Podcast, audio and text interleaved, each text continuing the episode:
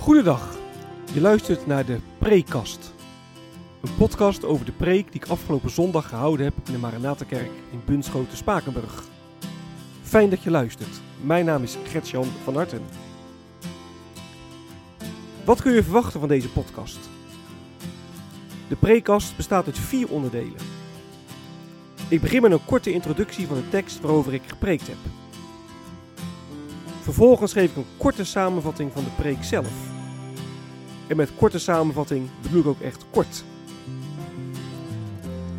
Tijdens mijn opleiding heb ik geleerd dat preken schrappen is. Niet alles wat je in de voorbereiding gevonden en bedacht hebt, kan terugkomen in de preek. Wat heb ik laten liggen wat het overdenken wellicht waard is? Daar wil ik het over hebben in het derde deel van de preekkast.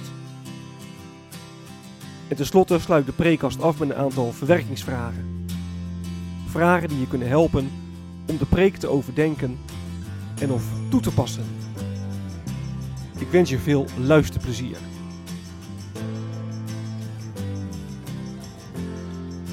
De tekst.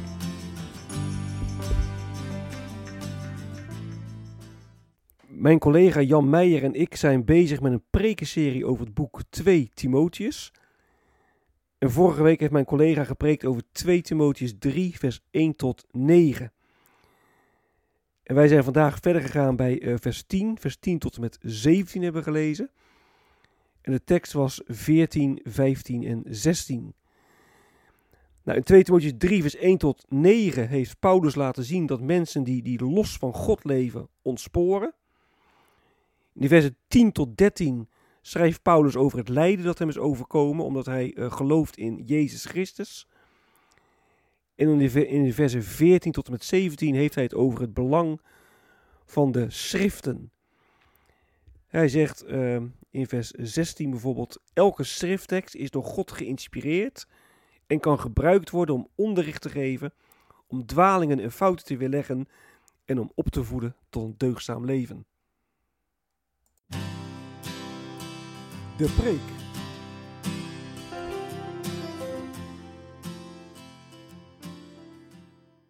Het woord van God is adembenemend. Dat is het thema van de preek. Het woord van God is adembenemend. En ik heb voor dit thema gekozen aan de hand van vers 16, waar staat: Elke schrifttekst is door God geïnspireerd. En er staat letterlijk in het Grieks: Elke schrifttekst is door God ingeblazen, ingeademd. En vandaar het woord van God is adembenemend. Nou, allereerst is het adembenemend omdat het woord van God toch je adem eigenlijk uh, laat stokken.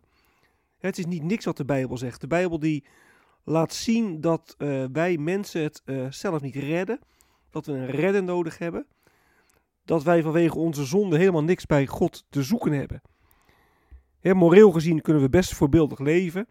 En goed zijn voor andere mensen. Andere mensen helpen. Eerlijk zijn. Opvaardig zijn. Maar de Bijbel zegt het gaat niet om dat je voorbeeldig leeft. Het gaat erom dat je God en elkaar volmaakt lief hebt. En als je dat niet doet, dan heb je een probleem, want dan kun je niet bij God komen. Nu laat God onze adem niet stokken om ons te laten stikken, maar om ons lucht te geven. de Bijbel zegt niet alleen je bent een zondaar, de Bijbel die wijst ons juist de weg van de redding. De Bijbel wijst ons de weg naar Jezus Christus toe. er staat er ook bij in vers 15, je bent van kinds been af vertrouwd met de heilige geschriften die je wijsheid kunnen geven, zodat je wordt gered door het geloof in Christus Jezus. En daar is de Bijbel voor bedoeld, om je wijsheid te geven, om je te wijzen op je redding. De Bijbel is dus geen boek van vroeger, uh, waar je vandaag niks meer aan hebt, omdat het om achterhaald is. Het is ook geen handboek met allemaal regels, hoe je moet leven. dat je goed al die regels moet bestuderen, dan moet je maar houden, want ja, het staat er nu eenmaal. Nee, de Bijbel is het door God geïnspireerde woord dat ons wijsheid geven wil. Het wil ons laten zien hoe wij gered kunnen worden. Het woord van God geeft ons lucht. Timotheus die is van uh, jeugd af aan al onderwezen in de schriften, zegt vers 15. En Timotheus die wist dus uh, over Gods plan, Vers 15 zegt dat Timotheus al vanaf zijn jeugd is onderwezen in de schriften. Het Timotheus wist daardoor van Gods plan met deze wereld. Hij wist hoe, hoe mooi het was in het begin. Maar ook hoe de zondeval de wereld in het verderf uh, heeft gestort. Nou, door de schriften wist Timotheus ook van het onvermogen van de mens om God echt lief te hebben, om God echt volmaakt te dienen. Maar hij wist ook dankzij de schriften dat God een God vol liefde en genade is. En dat hij beloofd had de Messias te sturen. Nou, Timotheus had geleerd, onder meer van, van Paulus, dat Jezus Christus deze beloofde Messias was. En dat het Oude Testament dus uiteindelijk over Jezus ging. Het is ook heel bijzonder dat Johannes bijvoorbeeld zegt, het woord is mens geworden. En christenen hebben ook geen, geen boekgeloof, wij geloven niet in de Bijbel, maar wij geloven in een persoon, we geloven in Jezus Christus. Kijk, een boekgeloof is heel onpersoonlijk. Hè? Dan kun je elkaar met allerlei teksten om de oren slaan. En dan zegt de een, ja, hier staat dit. Maar de ander zegt, ja, maar daar staat dat. Alsof een, de Bijbel een boek is met allerlei losse teksten die je te pas en te onpas uh, kunt aanhalen. Nou, een boekgeloof is onpersoonlijk, gaat over standpunten, over meningen. Terwijl het christelijk geloof gaat om de band met Jezus Christus. Het gaat over de redding die, die Jezus Christus geven wil en over de, de gevolgen daarvan. En ook in die zin kun je zeggen, het woord van God is echt adembenemend. Hè? Dat, dat zondere, kleine mensen, ja, dankzij Jezus Christus met, met God verbonden mogen zijn. En daarmee is ook gelijk het belang van Bijbellezen genoemd. Hè, de Bijbel is uh, het middel om Jezus Christus te leren kennen, om de liefde en genade van God te ontdekken. Ja, nu is het denk ik een open deur als ik zeg dat er erg weinig Bijbel gelezen wordt. wij zijn vaak al blij ze via ja, een, een app één Bijbelvers per dag lezen. Maar het is echt belangrijk om er goed over na te denken. Hoe kan ik nou echt tijd maken om uit de Bijbel te lezen? Hoe kan ik mijn hart ja, laten veranderen door Gods adem? Kijk, en vers 16 zegt, elke schrifttekst is door God geïnspireerd. Elke schrifttekst is door God ingeblazen. En wij zijn vaak een soort bijbeltoeristen. Kijk, een toerist die zoekt de mooie plekjes uit. Die gaat naar de dingen die, ja, die wij dan mooi vinden. Hè? Als een toerist naar Parijs gaat bijvoorbeeld, dan gaat de toerist naar de Eiffeltoren toe en naar de Notre Dame en de Sacré-Cœur. En hij gaat niet naar de buitenwijken van de stad toe. Nou, zo doen we ook vaak met de Bijbel. We lezen vaak die gedeelten die ja, wij dan mooi vinden. En dan kom je uit bij Psalm 23. De Heer is mijn herder. Dan kom je uit bij de gelijkenis van de verloren zoon. Of openbaring 21 over het nieuwe Jeruzalem. wij beperken ons dan tot ja, de zogenaamde highlights van de Bijbel. Maar dan hou je wel een hele dunne Bijbel over. Terwijl God echt in de hele Bijbel aan het woord is. Elke schrifttekst is door God geïnspireerd. In elke schrifttekst heeft God zijn adem, zijn, zijn geest geblazen. En daarom is het heel goed dat wij ook heel de Bijbel steeds weer lezen. Dat we ja, de adem van God als het ware inademen. En dat we het ook weer uitademen, dat ons leven ook vervolgens uh, stempelt. dat het woord van God echt ja, de zuurstof van ons leven is.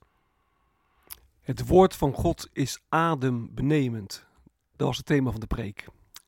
Het woord van God wil je adem laten stokken om je lucht te geven. Want het woord is vlees geworden. Adem het continu in en uit. Wat is blijven liggen?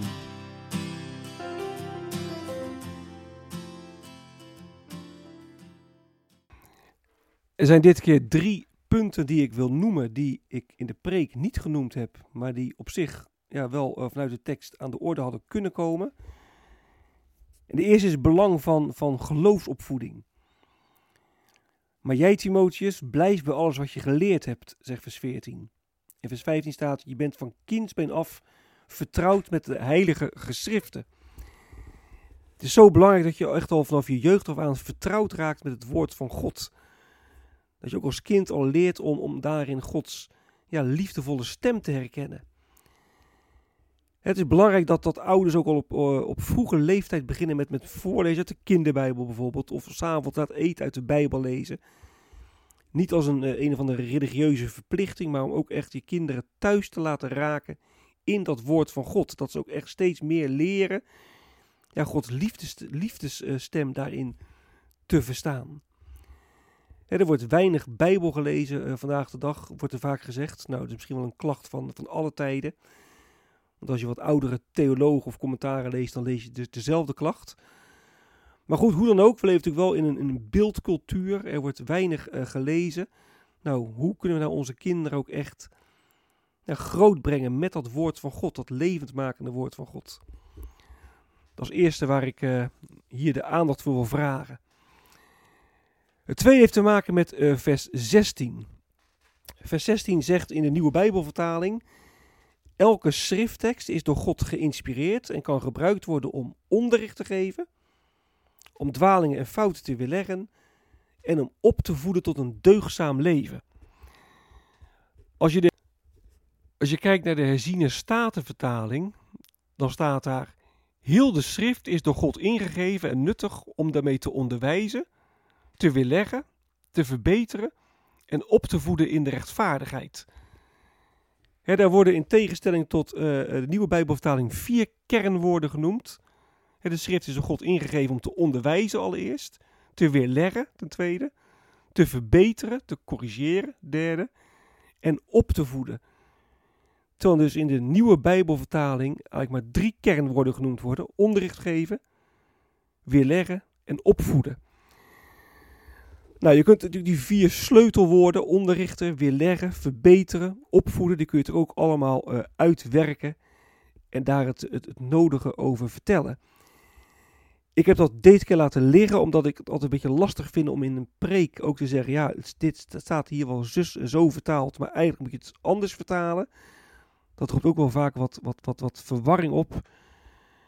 En uh, er waren genoeg andere dingen die, die, die, die, uh, die ik wel aan de orde kon stellen. Dus daarom heb ik dat hier laten liggen. Maar die, ja, die woorden onderricht geven, weerleggen, verbeteren en opvoeden. Daar kun je natuurlijk ook uh, aparte, bijna aparte preken over maken. En het laatste dat ik wil noemen is de inspiratie. Hè, Paulus zegt, iedere schrifttekst is door God geïnspireerd. Maar dan kun je natuurlijk de vraag stellen, ja, hoe hoe moet je dat voorstellen? Hoe ging dat dan in zijn werk? Hoe werden Bijbelschrijvers geïnspireerd? Nou, ik ga even heel kort door de bocht en heel zwart-wit zeggen. Maar eeuwenlang ging men uit van de zogenaamde organische inspiratie. En de organische inspiratie zegt dat Bijbelschrijvers ja, eigenlijk een soort typemachines waren van God. ze gingen bij wijze van spreken achter hun bureau zitten en ze schreven op papier op wat God op dat moment rechtstreeks in hun hart en in hun uh, gedachten legden. En op die manier waren ze een soort bemiddelaars tussen God en mens en werden ze geïnspireerd om dingen op, het, uh, op papier te zetten. Nou, aan, het begin, of, uh, aan het begin van de vorige eeuw is in de Griffmeer theologie eigenlijk wel een soort omslag geweest. Vooral ook onder invloed van Herman Bavink, een uh, Griffmeer theoloog waar ook de, de Bavingschool in ons dorp naar vernoemd is. En die zei, nou, die, die zei nee, je moet geen je moet het niet mechanisch zien, je moet meer organisch zien. Wat meer vloeiend zien. God maakt uh, gebruik van de mogelijkheden en de onmogelijkheden van mensen, van bijbelschrijvers. Dat waren geen uh, weerloze uh, instrumenten. Maar die werden door God helemaal ingeschakeld als persoon.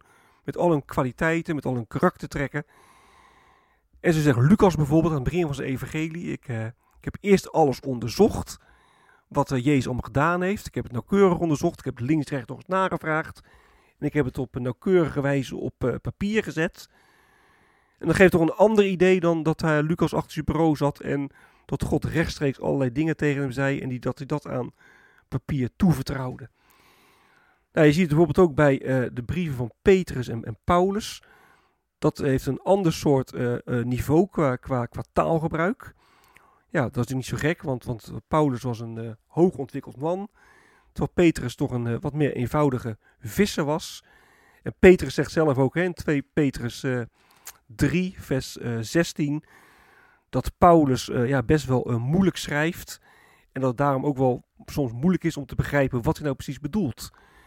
Nou, zegt Bavink, dat heeft alles te maken met de capaciteit en de kwaliteiten van, van Paulus. Dus de mechanische of de organische inspiratieleer. De organische inspiratieleer die zegt dus God heeft echt gebruik gemaakt van nou, de, de karaktereigenschappen, van de mogelijkheden van iedere bijbelschrijver apart. Terwijl de mechanische inspiratieleer zegt, nou God sprak rechtstreeks tot mensen en dat uh, vertrouwen ze aan het papier toe. verwerkingsvragen.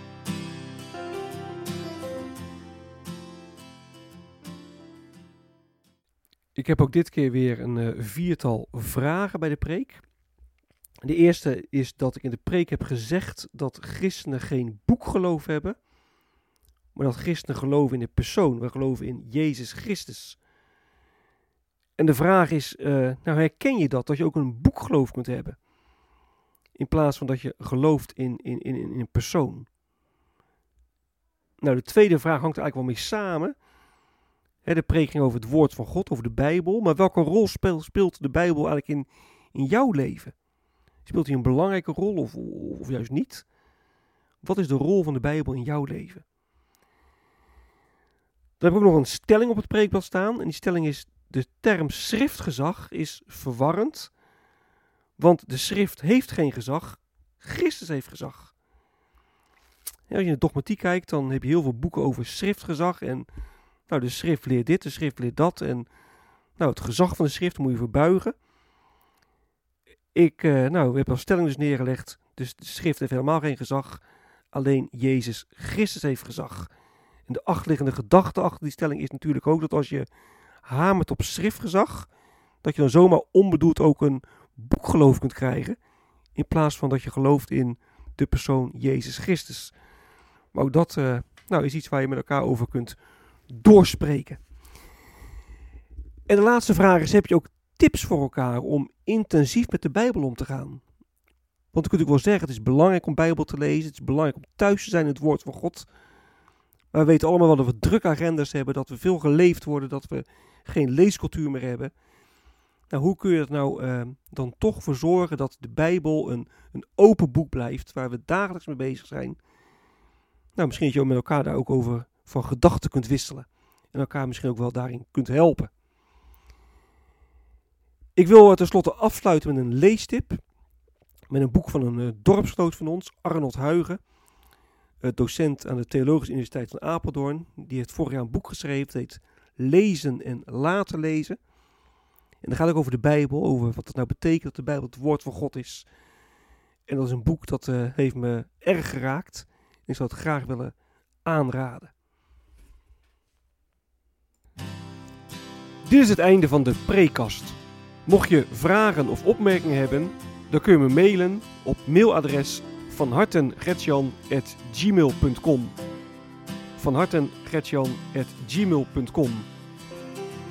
ik wens je nog een hele prettige dag. Hartelijk dank voor het luisteren. En wie weet, tot een volgende keer.